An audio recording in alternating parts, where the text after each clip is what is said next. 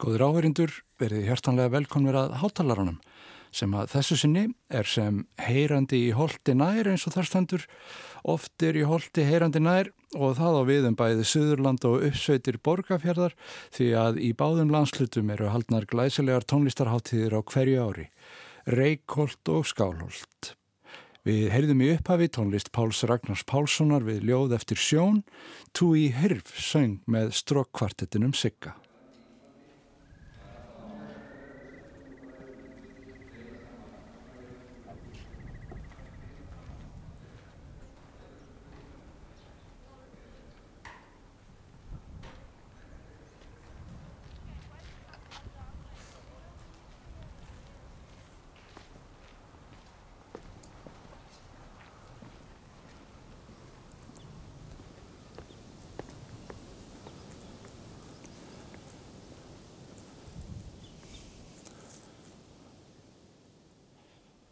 Ég átti persónulegt erindi austu fyrir fjall um helgina og, og það dætti í huga að koma við í skálholti og, og aðeins að heyra um svona hvernig hefur gengið í, í skálholti í sumar, hennum árlegu og margumtöluðu skálholtstónleikum og er komin hérna í,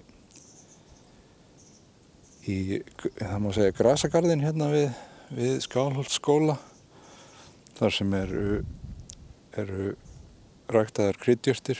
Hér er kúmenn og græðisúra og, og villilaugur og, og hvaðina sem er alveg sett hér í, í matinn sem það er framreitur.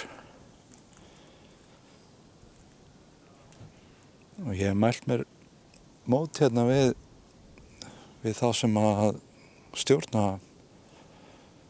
skálhólstónleikum Pál Ragnar Pálsson og Túi Hirf sem að hafa tekið að sér listræna stjórn og framkvæmta stjórn þessarar gagnmerkur hátíðar Er þetta elsta hátíð á Íslandi?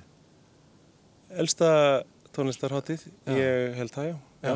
Hvernig var myrki músikdagar settir? 1980 já. Ok, fimm árið setna Já og já, já, einmitt þetta er svona, þetta er náttúrulega þessi hátíð náttúrulega Skilur þegar hún byrjar hérna á sínum tíma þá er þetta bara eina tónlistarháttíðin.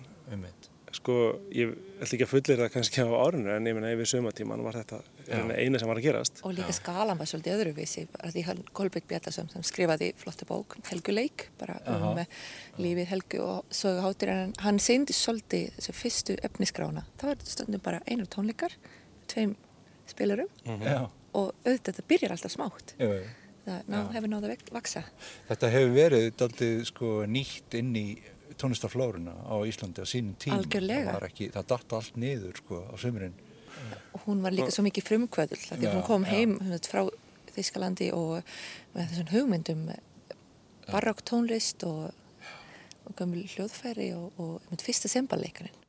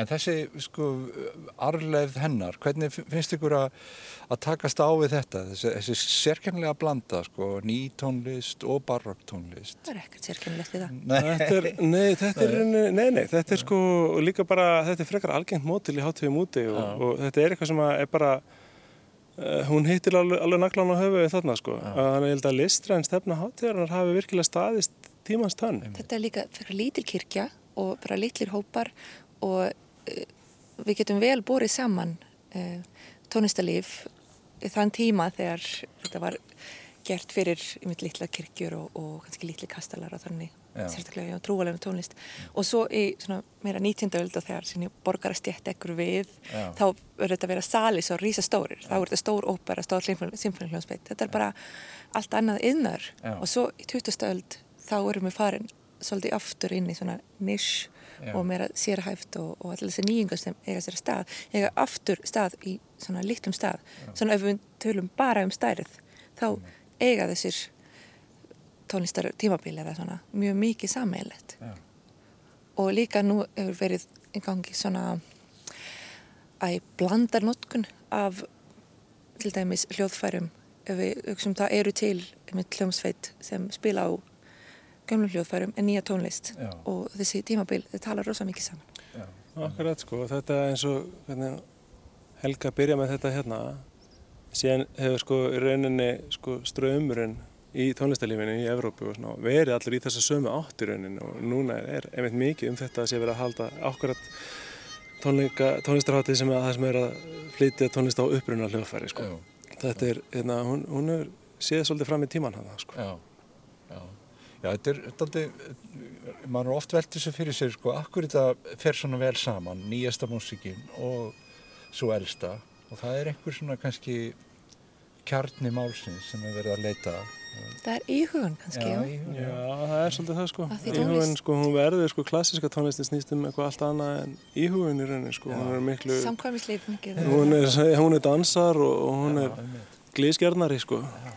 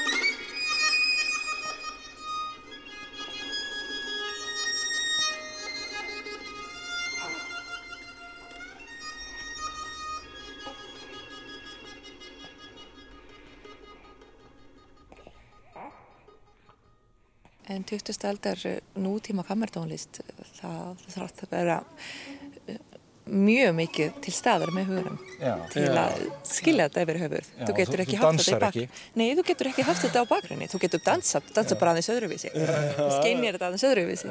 Þetta er meira abstrakt sko. En, en íhuginin sko, þessi andlega íhugin sko, hún tengist miklu meira inn í nútíma tónlistina sko. Við getum sagt að svolítið elitin er komin tilbaka að því, ekki þannig elitin þú þarfst að vera brjálislega ríka hlustar þetta tónlist heldur þarfst að vera frekar mentið Já, til að kannski njóta Já. þessi nýja klassiska. Þetta er svolítið, eh, það var miklu meira stéttaskiptingur auðvitað í gamla daga Mm. og líka hér það var klaustur og svona, það var auðvitað ákveðin úrtak. já, já. Mm -hmm, já, já. Þú þurftir að vera með einhvern svona bakgrunn til þess að fatta hvað var að gerast. já. Já. En hvernig, sko, gengur ykkur að, að velja þetta? Hvernig fer, hvernig er sá prósess? Hva, hver spilar og hvað er? Mm, Fólk hefur mikið áhuga, mikið áhuga. það er Já. mikið af samband sko. Það er alveg bara, og líka að utan sko, það er bara líðu allar sá dagur að sé að koma póstar frá fólki sko, skrifstofum, personum, einstaklingu segi og sem er bara að hafa áhuga á kominga sko. og, og svo náttúrulega hérna á Íslandi náttúrulega auðvitað er náttúrulega flestir sem koma hérðan og þetta er það er bæðið svona uh, kjarni hérna sem hefur komið oft fram í gegnum árin og svo er alltaf eitthvað sem koma nýjir inn líka já, já. og fólk er bara, þetta gerist í samtali og hérna uh, já, það, fólk, fólk tjekka sér inn í rauninni mm. það er bara, það segir hér ég er stingur upp á prógrami, mér langar til að flytja þetta og þetta og það er bara, teg, það er bara skoðað og, þessi sérstæða er mjög sterk fyrir fólk á útlandum sem horfa á þessu listræna stefnu þá mm. þetta lítur mjög svona tristvekkjandi út Já. þú vilt koma fram hér Einnig. líka því staðurinn er svo merkilegur og þetta vill fólk vera á Íslandi Íslandi er svo mjög uh, vinsæl staður til að flytja tónlist þessu dagana Já, þetta er bara að vera vinsæl og með það að við erum ekki að gefa það mikið eftir mm. og þau sem vilja virkilega gera eitthvað svona með mikla einbindingu og, og svona kafa inn í málinn mm. þau pá vettvangin hér Já það er nú kannski ekki síst það sem er heitlandi við svona starfsemi það er að komast aðeins í burtu Já. og vera bara að hugsa um þetta. Það er mjög stór þáttur. Það er rosa stór þáttur. Og þetta er svona í rauninni eitt af því sem að hefur ein, segir, eitt, eitt af styrklegum þess að hátir er að bara geta búið upp á þetta. Mm. þetta er mjög sterkur þáttur. Þetta er, já, þetta, þetta er alltaf þetta er svona vandamáli einmitt tónlistamannsins í dag. Er bara, hann, hann er svo mikið að spila. Já og það bara, þá vantar tíma bara til að setja þess niður. Hetslu tími, þessi bara setja, stinga sér í samband já. og laðið slaða. Sko. Já, já, akkurat. akkurat sko. Og þá á ég ekki við að þú þarfst að bara líka á ströndinni heldur en mm. þú þarfst að fá þessu einbætingu. Í rými segjum bara eins og við erum með frábæra æfingasal, óttstofi þarna í skálanum og svona. Það getur sess saman við þínu fólki og bara einbætið og kannski hlusta tónlist og svo bara farið út og það er kyrrð og það er þögn svo ferður bara að fá þér einhvern góða mat og svo heldur áfram að æfa og þannig fæðist tónlist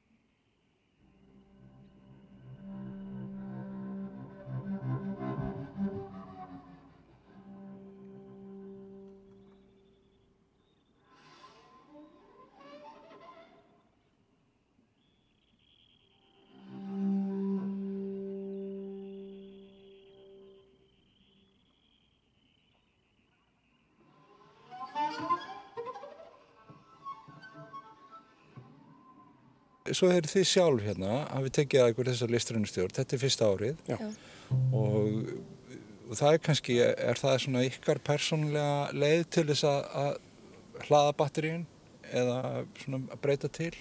Hva, hvað vakir fyrir ykkur? Þetta var mjög freistandi svona fyrir jólinn þegar við fengum tilbúið. Þessi hugsun að vera fimm vikur í Suðurlandi, Já. það hljómaði mjög freistandi. Mm. Já, veit. Uh, og við höfum alltaf ákveðna tengingu í staðin við hefum tekið þátt í sumatónleikum og svona já, verið aldrei hérna. Og Já, þá... við erum svolítið mikið heima hjá okkur. Já. og líka við vinnum rosa mikið saman yfir höfuð og, og alltaf okkur vantar þessi tíma sérstaklega svona, í vetunar að ná, hittast. Mm. fjölskylduna þarf að hittast og tala saman og tala um tónlistina og vetur þegar allir eru bara í sitt hverju átt og hittast bara um kvöldin mm. þá er, er þetta eitthvað sem manni langar mest að gera. Já, að vera bara saman eitthvað stær í, í fimm vikur og já. bara fjölskyldalíf og, og tónlistarlíf saman tíma. Það er alveg draumur.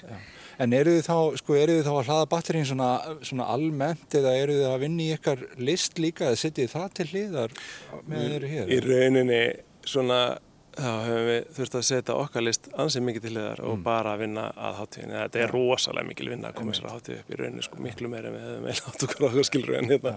En, en það er bara, það er skilru, Þú verður að horfa þessi sem partur af listinni þinni. Já, akkurat. Við, við lítum á þetta sem svo við séum að leggja eitthvað bara til tónlistilífsins og við erum bara að taka þátt í að þróa það. Já, þú getur aldrei verið svo sjálfhverf eftir listamæður. Einmitt, það getur ekki loka bara að sér. Það þurfa allir að leggja henda pló og bara allir að byggja þeirra múr og allir með sína múrstein, sko. Já. En það er nú samt aldrei mótsagnakent sko þetta, það, það er ekki pláss fyrir sjálfhverfuna. En samt þarf náttúrulega listamæðurinn aldrei að fylla sig að sjálfum sér vegna þess að hann er að koma fram og, En það er alltaf tvíþægt, auðvitað, en ég meina, annars, ég hef mikið upplegað það, þegar ég er listamæður og þegar ég, ég er söngkona og, og þegar ég fæ eitthvað rosalega merkilegt að syngja, mm. það þýðir að ég mæti bara svo seint í ferlinu þegar ég lóksins fæ að syngja það einu sinni gegn, svo mæta og syngja einu sinni gegn á tónleikunum, svo skála svo fara heim og svo fá borgað á búið já, já. og þá þarf ég að finna mér eitthvað annað að gera restina tímanum, já. en við vil vera miklu meira tengt tónlistuleifinu þú vilt bara anda þessu lofti sko. og þá skiptir svolítið annar minna máli hvort ég er að hræra súpu eða að syngja sko. bara ef þú fært að, að svona, vera með Já, það er svolítið þetta, einmitt. við erum kannski aðkoma okkar hérna er einmitt bara það er samskiptin við tónlistamennina og, og þróun á, viðst, við erum að þróa alltaf mikið dagskrána í samstarfi við þau svona samtali bara, velta mill okkar hugmyndum varðandi vala verkum og, og líka hvaða þýðir að reyka tónlistarháttið að verða partur í samtali við þessu yðnaða svona, já, það sem já. er að gerast út í bæ já. og einmitt kannski einhverju lögulega landslægi í Evrópusambandi, það er, þetta er allt í einhverju samhengi. Ja. þótt að verum hér í kyrða svona, við erum ekkert í einangrum sem tónlistarlíf var þar. Nei, nei, nei. Mikið lósku það er nú það er nú emitt nútíminn er, veist, við erum hérna í skálhaldi en við erum alltaf í tengslum bara við alþjóðlega tónlistarlífi líka Já, við erum að fást við nákvæmlega sömu spurninga. Hvernig fáum við fólk og hvernig fáum við listamenn og hvernig getum við gert að listamenn sér sáttir og hvernig aldum við listamenn að stefnu og, og, og, og svona, rækta áhörfandahóp og rækta þetta allt saman. Já. það má aldrei stoppa. Um næstu helgi þá er það Elja. Þá er Elja að koma, já, já. og það verða með eh, þau verða með nýja tónlist uh, íslenska og ellenda mm. og svo verða um, setni tónleikarnir á lögateginum þá koma frá Danmörku Lena Langballi sem spilar á Cornetto. Og þannig erum við komin í barokkið og Við fæsum alltaf ábæði. Já, akkurat, já, og Lára Bryndi Sækjastóttir á orgel með henni. Þannig að þetta er einmitt svona á, ágætist dæmi um það hvernig við rauðum þessu svolítið upp, sko. Að, að þú getur fengið svolítið svona, svolítið af báðu sömu helgina. Já. Svo síðasta helgi, þá fáum við alltur um, staðartónskaldar Þurriður Jónsdóttir. Svona hún rammar hátur það svolítið inn. Því hún var með portréttónleika í fyrstu helgi og nú er hún með neitt verk. Já í alveg síðustu, síðustu tónleika síðustu helgi. Og hún verður líka með svona smá fyrirlestur hérna, það tengis líka hátunni það hefur alltaf verið svona hóðilega sættalítið svona kammerl fyrirlestur. Já, En sko eru þið þá í þessari vinnu eru þið þá farin að huga að næsta sömri? Það líkur alltaf í lofti og fólk verður bara í sambandi við okkur og við erum með hugmyndir og... Já, já, já, einmitt, algjörlega sko. En það þarf ekki að finna upp nýjan ramma, sko, hann er til er það virkar kjörsamlega já. ég meina, já, sem tónlistverðar, já. Já, einmitt, listræn stefna okkur finnst hún hafa alveg staðið fyrir síni, já. Og líka bara þú lítur á, sko, hvað er að gerast annað, það er alltaf sko, það sem ég var að tala um aðan sko, með að þetta byrja, þegar þessi hátíð byrjar og þetta er eina hátíðin, skilur, yfir sumatíman og núna er það, sko, eins og mýflugur, sko, það er bara allstaðar og það eru þetta gerbreytt umhverfi. Akkurat og eh, ég myndi samt segja sko að listræðin stefnaháttíðarinnar hún er samt einstök í heildarsamhenginu. Gjörsamlega samkeppnishef er saman því að það er nú ekki amalegt eins og degins og þessum að fara í skálhald og gera fallega músík. Alltaf vöflukaffi eftir klukkan 12 tónleika og sunnuvegsmessa og það er bara mjög huggulegt. Þetta er fáur huggulegri staðir eldur en skáhald að vera í sömrið um helgina. Takk fyrir spjallið.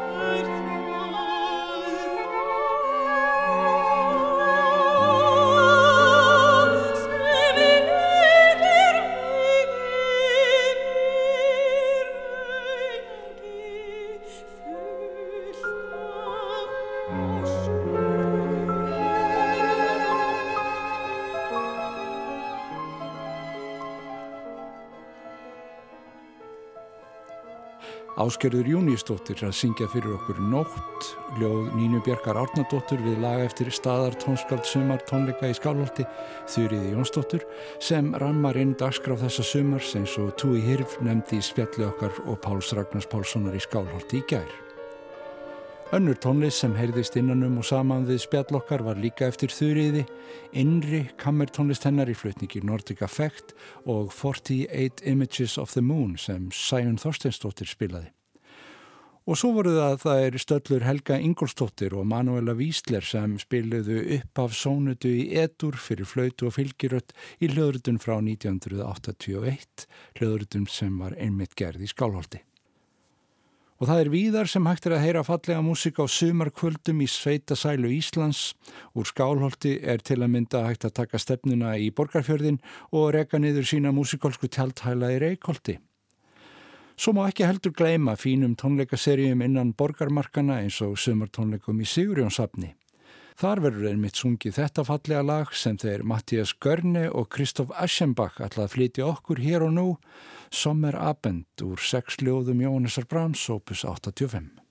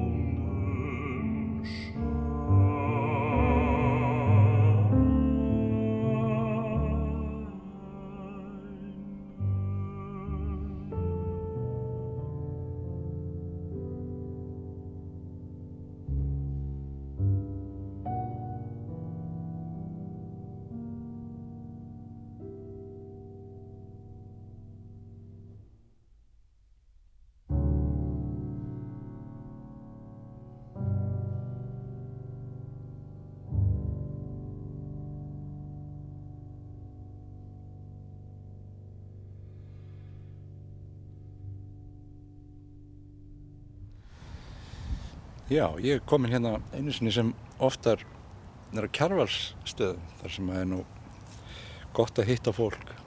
Príðis kaffehús og ekki skemminu fyrir góða veðri sem er akkurat núna. Þeir eru komin hingað að spjalla við mig Ottur Artur Jónsson og Sigurger Agnarsson.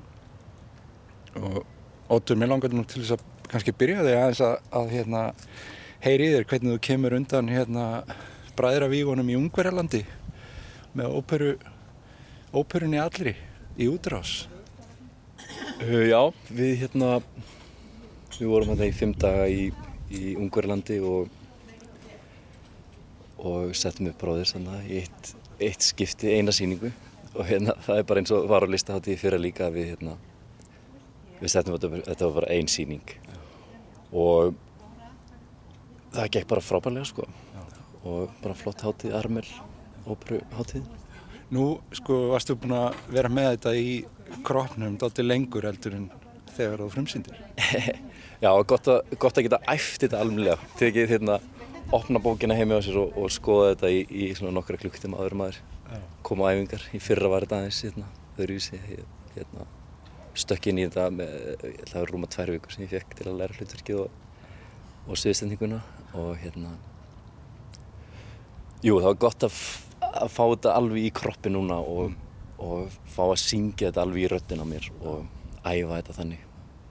Hvað heldur þú með svona sko nýja ópera, heldur þú að er eftir að syngja hana oft? Ertu pælur í því eitthvað? Það var alltaf bara ekki mínum höndum sko, þannig ég pæli rosa lítið í því. Já. Auðvitað langar mig að gera þetta aftur, en mér langar að gera þetta þannig að það væri, væri fleiri sýningar. Ég held, að, ég held að þannig færi sýningin á flug ef það væri, ef það væri fjóra sýningar eða fimm sýningar. Já, já. Og það væri gaman að gera hér sko. Já, Það væri gaman að gera þetta, þó að væri bara í einhverjum öðru sal heldur en Eldborg. Já. Og þetta er þannig sviðsmynd líka það er hægt að setja næstuðin í hvaða, hvaða hús sem er held ég. Um, og ég held að sé líka sýning sem að gæti bara orði vinsal og, og góð sko. hún hefur hlotið mikla aðtegli. Þetta er svona, ég var nú að fjalla hérna um í, í mínum þætti nýja óperu eftir Guðmund Steinn Gunnarsson sem er alveg á hinu, hinum enda óperurófsins, skulum við segja. En, en Daniel semur þetta svona inn í kannski hefðbundnara umhverfi, má segja. Hva, hvað er með svona stöðu í að nýrar óperu? Ég verð að segja sko það er, það er svona áhugaverðara finnst mér svona í þessu nýja formi sko sem að maður sér eins og beinum útsendingum og svona þá er að einhverjum ástæðum finnst mér nú áhugaverðara sko nýra efnið heldur en það gamla. Ég held að það sé bara oft verið að semja um hluti sem eru kannski nær okkur. Mm. Og ég held að það sé það sem er spennandi og, og kannski dýbri, kannski dýbri samskipti og ég held að það sé það sem er spennandi og, og, og málefni sem að kannski snerta okkur en ekki, en ekki um kannski, hef ég verið út í eins og brúðgum fíkarós að hérna, það sem er greifi og, og, og þjónustufólki hann skilur sem að sem að er, held ég ekki til á Íslandi í dag, skilur. Nei og, og það er svona eins og einn góður maður sagði að það líður yfir söguhættunar og annar ykkur blasið. Já, einmitt. Og þetta, já, sem að gerist reyndar eiginlega líka í, í bróðir, sko. uh, Þetta er síkild að leiðast ef óperunar að það verður að hvenar líður yfir fólk fyrst. það er kannski að meira, að drepa fólk, sko. Í, alveg tilbúin bara sko. En má ég spyrja einu áttur hérna, að því að það var nú umtala hvað snöggur að læra bróðers Já. Liggur þetta vel fyrir þér að læra hlutverk? Veist, ertu snöggur að læra? Já, eiginlega, eh, já, ég er það og það er bæði gott og slæmt, sko. Já. Og hérna... Máttu ekki nokkurn mann veit. Jú, maður hérna býður stundum allt og lengi með að læra eitthvað sem maður Já. á að vera löngu búinn að læra, sko. Og hérna, en það er, það er þægilegt og, og náttúrulega, og það kemur auðvitað upp að maður þarf að stökkva inn í eitthvað og það gerist bara oftar en maður, hérna, maður trúir eiginlega. Og, og þá þarf maður bara að hafa taugar í það og, eða kannski bara nú heimskur til að gera það, sko. Sambland Eh, Ég held það. En þetta er náttúrulega, sko, líf óperusöngarnas, það, það snýst náttúrulega ekki bara um að, að kunna lögin, það þarf að kunna textana líka. Já. Og ég var nú að spyrja hérna Florian Boss að því um daginn hvort það slæði aldrei saman hjá honum, sko, til dæmis Schubert og Schumann eða einhverju, þetta er alveg rosalegt magn, sko. Og nú ert að fara að syngja á, á hérna í Sigurjónsafni Já. aðeins til að koma inn á þá fínu seríu líka og þar ert að syngja eh, Schubert, er það ekki? Um Brahms. Brahms Já, við erum að syngja Brahms, Schumann og ég syng enginn Schubert. Um, jú, Brahms duetta og sérst hlutur, parturinn minn er sérst, er, er að syngja þetta með Hildegun Einars og, og hérna Guðrún Darlíu. Og minn partur er sérst Brahms duettar og svo sex Brahms ljóð. Já. Um, nei, þú veist, þetta er svo ólíkt sko og það er ekkert, það er ekkert að ruggla þessu saman sko. Herri, ég sá þetta ekki. En það sem að mér finnst bara persónlega erfiðast eru, eru kannski mörg erindi þar sem að maður er með nákvæmlega sömu tónlistina og það kannski situr ekki alveg eins vel og þá þarf maður að fara í ennþá meiri textavinnu og ennþá meiri það er að leggja það betur á minnið hittjum með meira sjálfkraf sko Það, er, það var líka annað sem að vatti aðtekli minna í sambandi við þessa tónleika í Sigurjónsafni sem eru bara annarkvöld og það er, sko, það er, þá er yfirskrift þeirra, það er hérna hrifning og höfnun. Já. Það er þetta sko tvent sem að listafólk þarf að takast á við og ekki bara lista fólk Nei, reyndar náttúrulega allir, en listafólk náttúrulega ætlast til þess að fólk falli fram á tilbyðið það, Já. við vitum það. En sko hvernig er þá ekki bara örugast að syngja bara það sem að maður veit að vekur hrifningu? Jú, en það er bara ekkert eins skemmtilegt Minna drama. Já, mér, mér finnst skemmtilegt eiginlega, mér finnst skemmtilegt að syngja eitthvað sem er ekkert oft flutt endilega og aðeins að augra og lifa fólki að heyra annað en það sem er alltaf í gangi sko. en það er líka gaman að syngja það sem er er, er oft flutt Já. Það er náttúrulega líka, ég er svona að snúa út úr þessu kannski, það er auðvitað, það ve- vekur jafnmikla hrifningu sko þegar það er sungið um höfnunina. Það, hérna, það kætir áhörundur kannski ennþá meira. Jú, jú, þetta er hérna hún er eiginlega að hafna mér all, allt prógrami sko, það er, það er bara þannig Já, já, já. Þa- Þar kemur þín dýft. Já. mjög góður í að láta hafna mér Sigur Geir, Agnarsson, hvernig, hvernig tekst þú á við höfnunina? Hefur þurft að díla við hana eitthvað? Já, ég held að allir sem fara út í þennan bransa þurfa að díla við hana sko. og, og, og, og allir þó að þeir séu kannski komnar á einhvern stað í dag og gengur vel sko, þá hafa allir þetta gengið þetta sko. Og, og ég segi það líka því ég er nú að kenna sko. ég segi það stundum við nefndum mínar að ef þú ert ekki tilbúin að fá höfnun að því að þú vilt vera með í leiknum sko, og hlutað er bara að fá höfnun og stundum gengur illa og fá nei og þannig að fólk einhvern veginn getur það ekki þá held ég ekkert erind í þetta og ég held að líka sá listamæður sem fær aldrei höfnun hann, ég held að hans ég, sko, ég held að hann að gera mála þetta einhverjum alltaf romantísku litum en ég held að veist, það er hlut að þroska sé mjög þroskandi og, og, og, og einhvern hluta svona bara nöðsynlegt sko. Við sem erum eldri, sko, við tölum gerðan um, um þúsaldar kynnslóðina sem, kynnslóð sem ætlast til að, að koma allt upp í hendunar á henni. Verið þið varið við svona einhver kynnslóðabili þessu? Finnst ykkur yngra fólk eitthvað ætlast til að þetta sé léttara heldur en, heldur en ykkar kynnslóð? Þið eru nú ungir menn reyndar. Já, sko, þetta hefur sko, mjög stunga fólki í dag það er mjög svona það hefur aðgang á öllu, sko, öllum upplýsingum og það, það stundum veita einhvern veginn sem manni miklu meira hvað það vill kannski þegar maður sjálfur á þessum aldri, sko. Já. og, og heimurinn hefur minkað, sko það er ekkert mál að bara fljúa eitthvað námskeið til Ítalíu eða, eða eitthvað, þetta var bara stór mál hérna fyrir 25 árum, sko. Þannig að þannig að unga fólki er kannski einhver leiti að þú ert allan aðgang að þessum upplýsingum sko, þá, þá kannski er það fókusera en á endanum í þessum fræðum sko, þá er þetta bara, ef þú æður ekki þú veist, fjóra-sex tíma á dag, þá náttúrulega endanum bara kemur að vekk sko. það, það er svo sem breytst, breytst ekki neitt sko. Otur, er einhver svona, merkir þú einhver svona kynnslóðabil meðal söngvara? Eru, eru yngri söngvara hrókafyllir en þeir eru eldri? Mm, Já, jú, nei, hérna Nei, það er kannski, það sem maður sé mest er kannski hvað ungir söngur eru góðir í, á samfélagsmiðlum Já. og góðir á Instagram og, og þetta er einhver svona partur sem að ég er ekkert rosalega sterkur í, sko og hérna e, og það er svo gaman að fylgjast með mörgum söngurum á Instagram um, og kannski þarf maður bara að fara, fara okkar námskeið. En, en er þetta þá ekki svona eitthvað stigma, verður ekki þá að tala um fólk svona, já hann er svona Instagram-sangvari, Jú, það, það verður ykkur þannig sko. En, en, lukkar vel, Já, einmitt. sandar ekki sérstaklega. Einmitt, það, það er náttúrulega það sem er í gangi sko, í sérstaklega óperunni sko, það er, það er þessi útlisti sko, Já. og þurfa að kannski að líta betur út heldur, en- heldur en að syngja vel sko. Já. En ég er alveg sammála á Otti sko að það er, það er um eitt sumir klálega sko sem ég, þetta er í huga einn góð vinkona minn frá því að ég var að læra út í Boston sko og hún er orðin svona hálfgerður YouTube, Instagram sellisti sko, ferðast um allan heim og byrti myndbönd og er að vísu frábær sellisti sko Já. en, og mjög flott sko en uh, þetta er bara það sem hún gerir sko.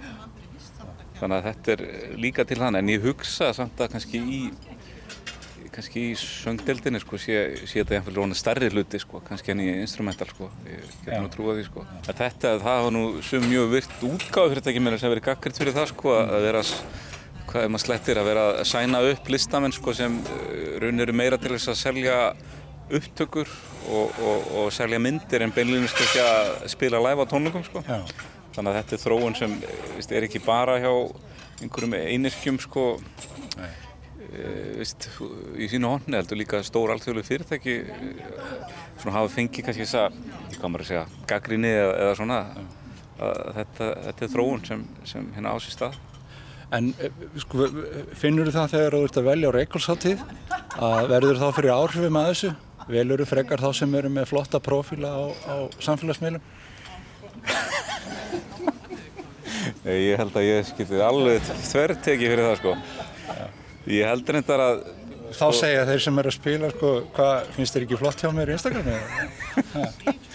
Já, ég ætti kannski að það er áhugavert að setja saman hátíða sem við myndum bara fara í svona bestu Instagram prófíluna. Já. En ég held að margir listamenn og ég kannski þekki nú hljóðfara hlutan betur sko, það eru bara allir svo, veist, fólk er svo, og þar með tala ég, það er svo lélegt bara að koma sér á framfæri sko, mm. veist. Veist að bara þetta, maður er ekki að búa til heima síðu og allt þetta sko, þetta maður er alveg sko eins og geldur í þessu sko. Maður er bara alltaf heima að æfa sig og, og eitthvað svona sko. maður vill ekkert hugsa um þetta annað Nei, maður vill einmitt. bara einbytt sér að því og En, en, en þetta er samt orðið eiginlega svona hálfnauðsilegt í dag, veist, að vera með einhver svona prófíl eins og á netinu sko. Já, já. Svona tala nú ekki um ef fólk er í svona frílansbransanum sko. Þannig að Þannig að það er hægt að læja þessu sko, en, en það er náttúrulega einhver alvara líka í þessu sko. En sko tölum aðeins um, um prógramið, ja, því þú varst aðeins að tala hérna um aðan að þarna til dæmis uh, réttrúnaðin og romantíkina sem er eitt prógramið þér og, og hvernig fer það saman í, í músík? Réttrúnaður og romantík, það er, nú, það er til dæmis að tala um bara réttrúnað í músík. Já, Ertu, hver er hinn rétti trúnaður á Reykjavíksáttið? Það er að, að, hérna, að hlýða því sem ég segi sko. Það er hinn eini sanni réttrunar í Reykjóldi sko. Menta einveldi. Já, mikið dictatorship hana sko. En hvað kemur á tónlistina þá er þetta nú komið upp að við ákvaðum að spila verk eftir Rússa Arenski sem er nú kannski ekki svo allra frægast í dag en, en var gríðarlega gott tónskáld og hann samdi indislegt verk sem er með tilvittnar í, rúsinsku réttrúnarkirkjuna og, og, og vittnar þar er allavega tvö stef sem koma uh, úr rúsinsku réttrúnarkirkjunni og þaðan kom kannski þessi hugmynd að, tala um einhvern réttrúna en hann samdi þetta verk til minningar um Vincent Tchaikovsky sem hafði dáið og hérna þannig að það er þessi réttrúnaður sko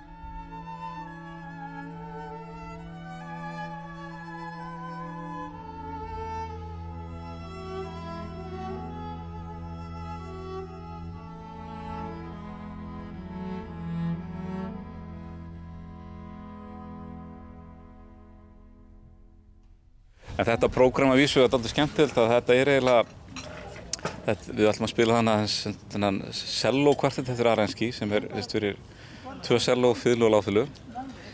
Og hérna svo ætlum við að spila lítið cello duet eftir Barriere sem er fransk tónskáll líka líka róþægt og svo strengja sörunniðu fyrir strengja tríó, fiðla, víólu og cello eftir Doc Nani. Og, og þetta er eiginlega allt snillingar sem voru gríðala þekktir á sínum tíma Doc Nani var eiginlega bara impressvar í, í Európu sko, hann bara riði þar lögum og lögum og það er veist, rosalega stórt nafn og, og hérna Arenski líki í Rúsland og svona en, en þetta eru svona hálkinn no-names í dag sko þannig að sagan fyrir nú ekki alltaf mildum höndum um þessar snillingar sko Nei, en, en eru þetta einhverju sem á, á kannski eftir að rifja upp? Er þetta svona fyrsta skrefið í því? Það var náttúrulega bara að tala um eins og Selosvítur Bax, þær koma nú ekki til skjálana bara fyrir hvað Casals fór að spila þeir. Já, já, það er náttúrulega ótrúlega saga sko. maður stundum bara líka trúur henni ekki sko. en þú veist, ég held að hún sé alveg rétt sko. Já, en það, það er svo mikið af músík sko. það er eins og við vorum líka að spjalla um áðan hérna hvort maður vil vera að spila alltaf bara það sem maður er alveg safe með sko, er, er alveg örugum með að, að gangi sko. Og, og þetta prógram er kannski þannig að það er ekkert örugt að kannski gangi sko, þetta eru óþægt verk og maður veit ekki hvernig þetta fer hann í fólk en, en bara, veist, maður langar ekki alltaf að spila sama og maður langar að, að koma líka með eitthvað nýtt færa fram eitthvað nýtt. Já. þó að nú ekkert verið að frumflýta þessi verk held ég á Íslandi þá eru þau sjálfheirt sjálfheirt þannig að og líka maður vera í svona einhverju svona einhverju endur nýjum sjálfur takast á við ný verkefni En Reykjolt, það byrjar bara hvenar á... Það byrjar á fyrstæðin, já, það byrjar á fyrstæðin. Þá verður Ottur í aðalutverki á fyrstastónleikunum og Anna Gunni Guðmundsdóttir. Og svo þetta með, eru kórtónleikar? Já, já. Þetta við fylgjum svona hefðbundum struktúr sem hefur verið í mörg, mörg ár sko, þetta eru færtin tónleikar og semst, við erum alltaf með þess á fyrstastónleika. Svo á lögadaginn eru tvennin tónleikar og núna er það semst kórtónleikar hlugan fjögur með Vox Femini þar sem er Hafnildur Árnaldóttir Hafstað stýrir kórnum og það verður svona íslensk tema, útsend, íslensk þjóðlög, íslensk lög.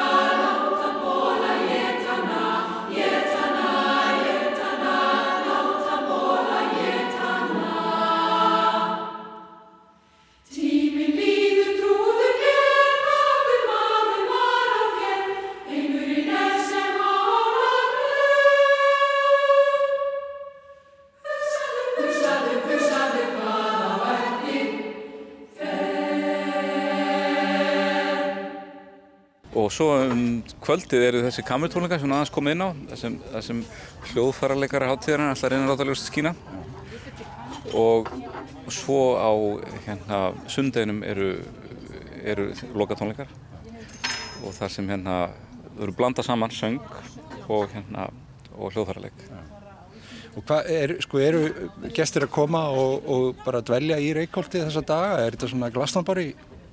Já, það er síðan alltaf bara tjald brenna þannig á, á sundeginum. Þá er bara svempbókunum hendinn og bara kveikt í öllu, sko. Já. Já, þetta er nefnilega alltaf skemmtileg stemmingana, sko. Já. Nei, en það, það er allur gangur auð. Það, það er, fyrst, það er daldið um að fólk er að koma þannig og panta sér gistingu þannig, panta gistingu eða jáfnveil á hótelinu. Það er náttúrulega tölvöld mikið að sumarúsmanna. Fólk er að koma því, heimamenn er að koma og svo náttúrulega flestir sem eru gera sér kannski dagsverð upp í eitthvað frá, frá Reykjavík, úr úr Reykjavík segir. Þetta er nú fallegur hluti af, af Íslandi þarna. uppsveitir borgar Já, mjög fallið sko og góðum sumandegi þannig að þá er þetta svona eins og þess að maður er svona e,